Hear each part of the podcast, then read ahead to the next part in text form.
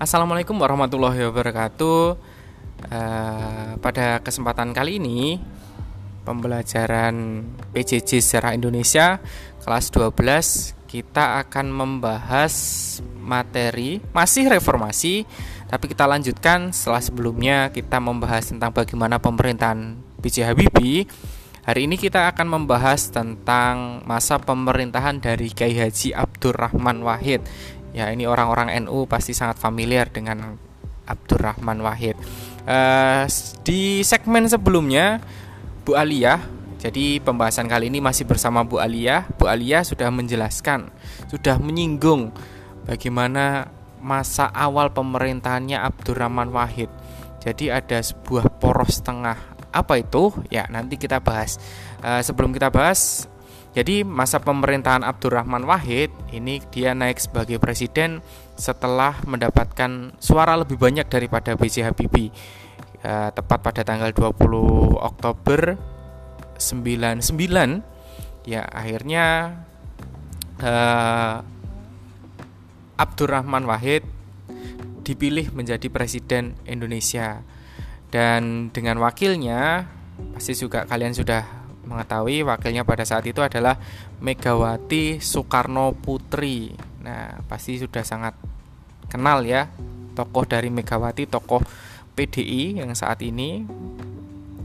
Eh, pada masa pemerintahan dari Abdurrahman Wahid, kalau masa sebelumnya itu Habibie program atau kebijakan yang diambil namanya reformasi pembangunan, kalau masa pemerintahan dari Kiai Haji Abdurrahman Wahid ini eh, fokusnya atau kebijakannya dan kabinetnya diberi nama Kabinet Persatuan Nasional. Nah, itu bagaimana? Oke, kita akan uh, sambung dengan Bu Alia. Bu, bagaimana sih Bu pemerintahan dari Abdurrahman Wahid, Bu? Oke, terima kasih Pak Fikri. Kita melanjutkan lagi untuk masa pemerintahan Abdurrahman Wahid atau yang dikenal dengan istilah Gus Dur. Jadi gini, terpilihnya Gus Dur itu sebenarnya eh, dianggap sebagai peristiwa yang langka. Kenapa? Karena peristiwa ini hampir atau belum pernah terjadi pada pemilu-pemilu sebelumnya. Jadi, pada awalnya Gus Dur itu merupakan ketua Majelis Suro PKB dan pada saat itu tidak dicalonkan sebagai presiden oleh PKB karena pada saat itu PKB lebih mencalonkan Megawati sebagai calon presiden. Lah Gus Dur ini sebenarnya dicalonkan oleh poros tengah. Apa itu poros tengah? Poros tengah yaitu kekuatan baru yang muncul pasca mundurnya B. Habibie sebagai calon kuat presiden ketiga. Setelah pidato pertanggungjawaban beliau itu ditolak oleh MPR terutama dari kubunya PDIP dan PKB. Golkar, PAN, P3 dan PK atau Partai Keadilan yang pada saat itu kehilangan calonnya. Kenapa? Karena dia e, secara apa ya, secara implisit tidak setuju kalau Megawati e, menjadi presiden pada saat itu. Akhirnya membentuk yang namanya poros tengah di poros tengah ini uh, adalah kekuatan politik baru yang sengaja mengajukan Gus Dur sebagai calon presiden untuk memecah kekuatan PDIP atau PKB yang ternyata mampu mementahkan atau menolak pidato pertanggungjawaban Presiden Habibie. Jadi akhirnya kekuatan poros tengah ini akhirnya memenangkan pemilihan presiden yakni Pak Abdurrahman Wahid itu akhirnya berhasil menjadi presiden sementara Bu Megawati yang kalah akhirnya menjadi wakil presiden.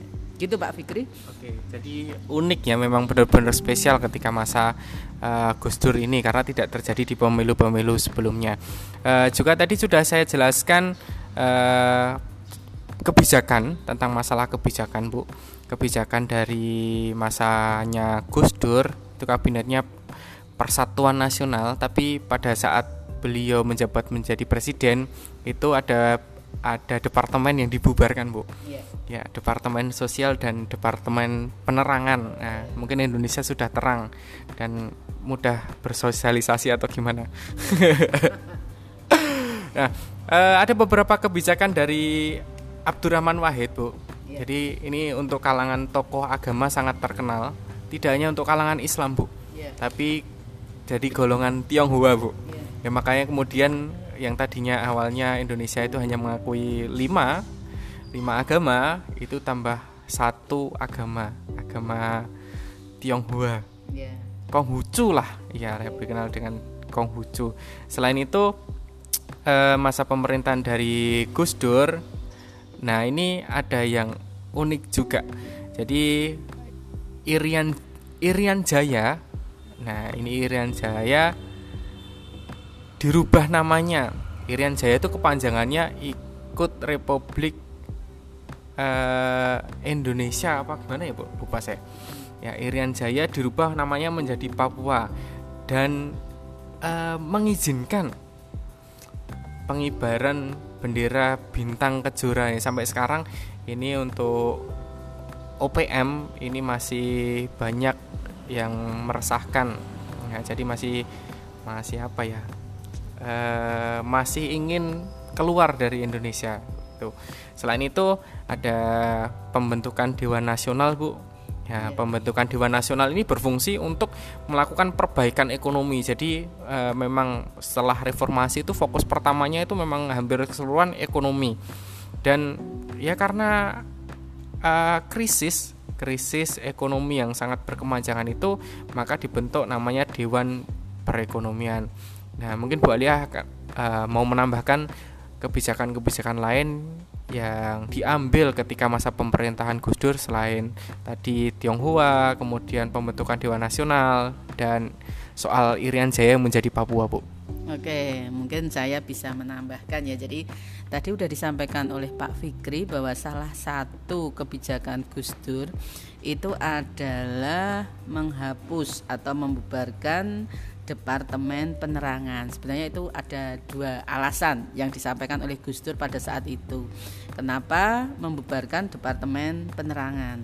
Alasan yang pertama yang kaitannya dengan politik itu Gus Dur menganggap bahwa adanya Departemen Penerangan itu mengurangi kebebasan pers. Karena biasanya di era Orde Baru eh, seluruh pusat informasi itu selalu disortir atau dipilih oleh Departemen Penerangan. Sehingga itu dianggap mengurangi hak-hak demokratis masyarakat pada saat itu. Itu secara politik.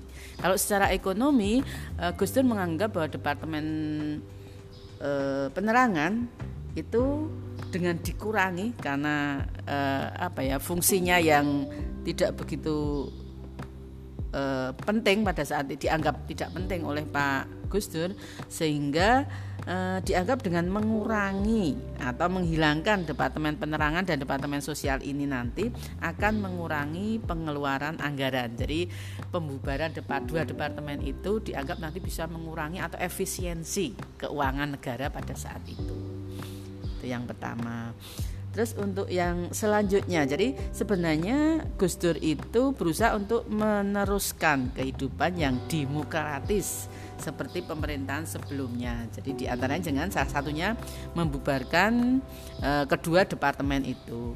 Terus yang kedua tadi sudah disampaikan juga mengganti apa nama Irian Jaya menjadi Papua karena Irian Jaya itu kan orangnya itu dinamakan orang Papua sehingga biar lebih dekat secara kultural dengan masyarakatnya diganti dengan Papua.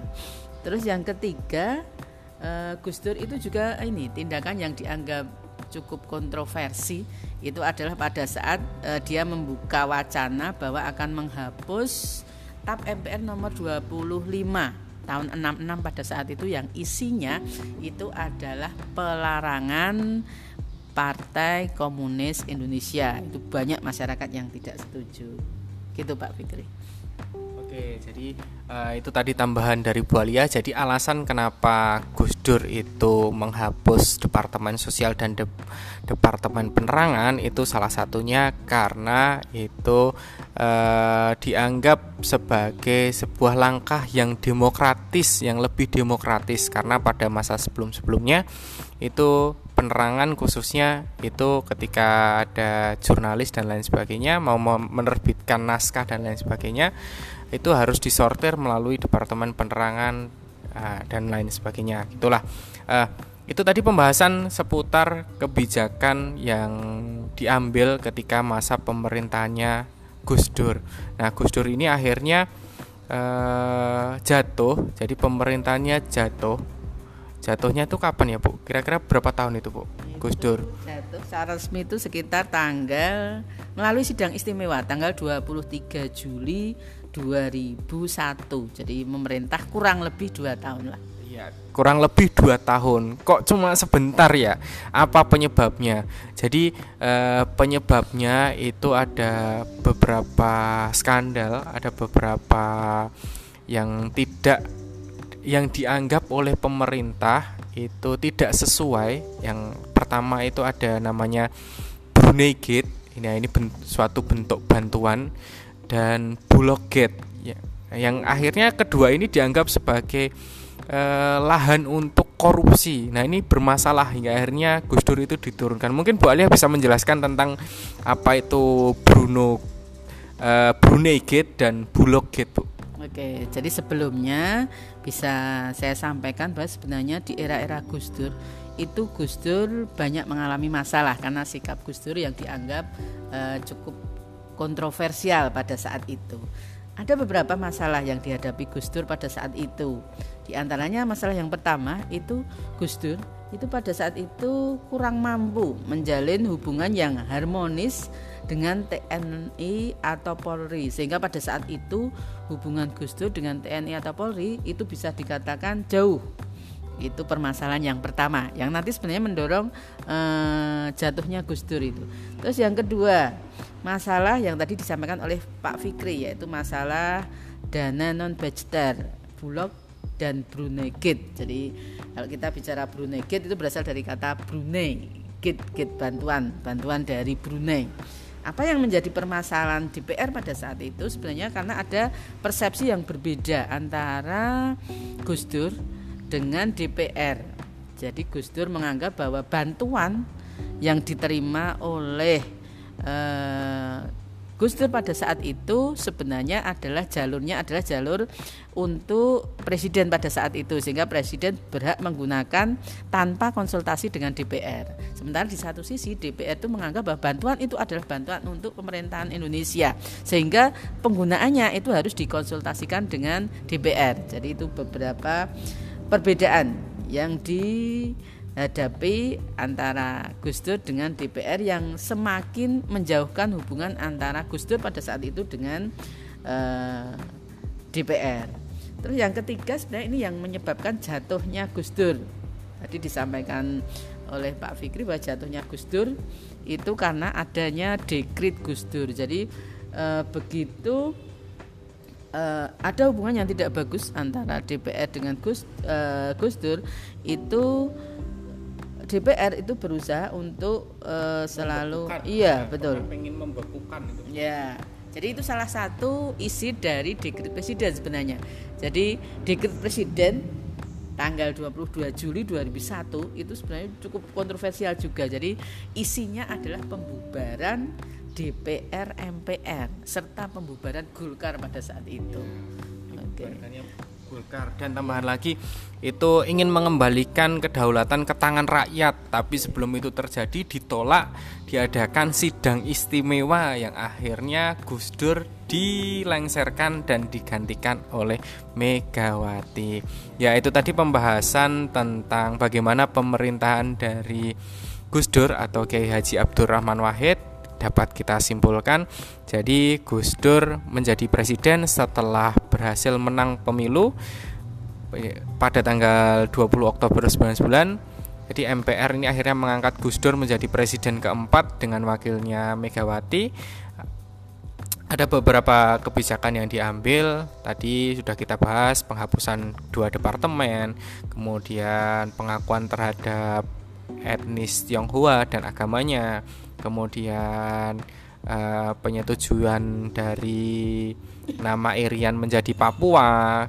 Kemudian keinginan Gus Dur yang membekukan DPR itu tadi adalah salah satu yang menyebabkan jatuhnya Gus Dur ketidakharmonisan antara TNI Polri dengan pemerintah atau dengan Gus Dur. Kemudian adanya sidang istimewa. Oke selamat mempelajari materi tentang reformasi. Ya, sekian. Assalamualaikum warahmatullahi wabarakatuh